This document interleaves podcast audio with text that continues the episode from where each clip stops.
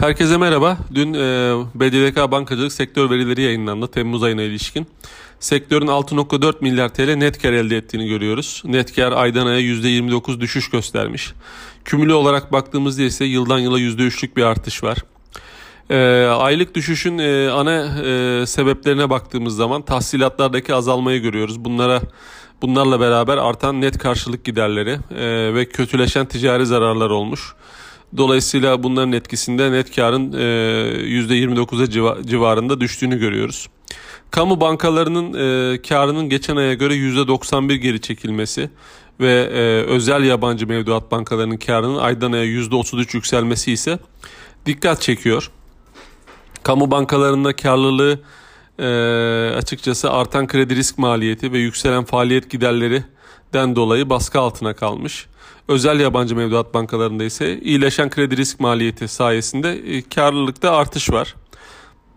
E, sektör sonuçlarının öne çıkan başlıca özellikleri şu şekilde. E, TL kredi mevduat makası yukarı yönlü kredi fiyatlamasından dolayı aydan aya 37 bas puan yükselmiş. E, menkul kıymet getirilerinde yine 10 bas puan kadar bir yükseliş söz konusu. Komisyon gelirleri e, oldukça güçlü. Yıldan yıla %25 artış kaydetmiş. E, bu da bize aslında yasal düzenlemelerin olumsuz etkilerinin azaldığını gösteriyor. Faaliyet giderleri büyümesi yıllık %15 e, ile enflasyonun altında kalmış.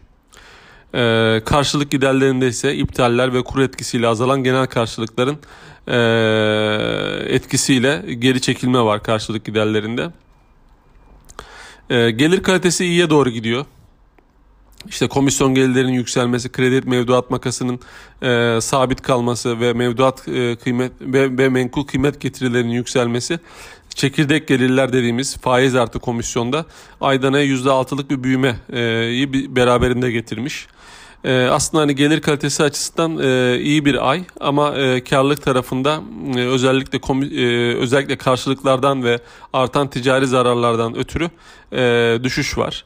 E, biz önümüzdeki e, aylarda ve önümüzdeki çeyreklerde de e, gelir kalitesinin iyileşmesini bekliyoruz.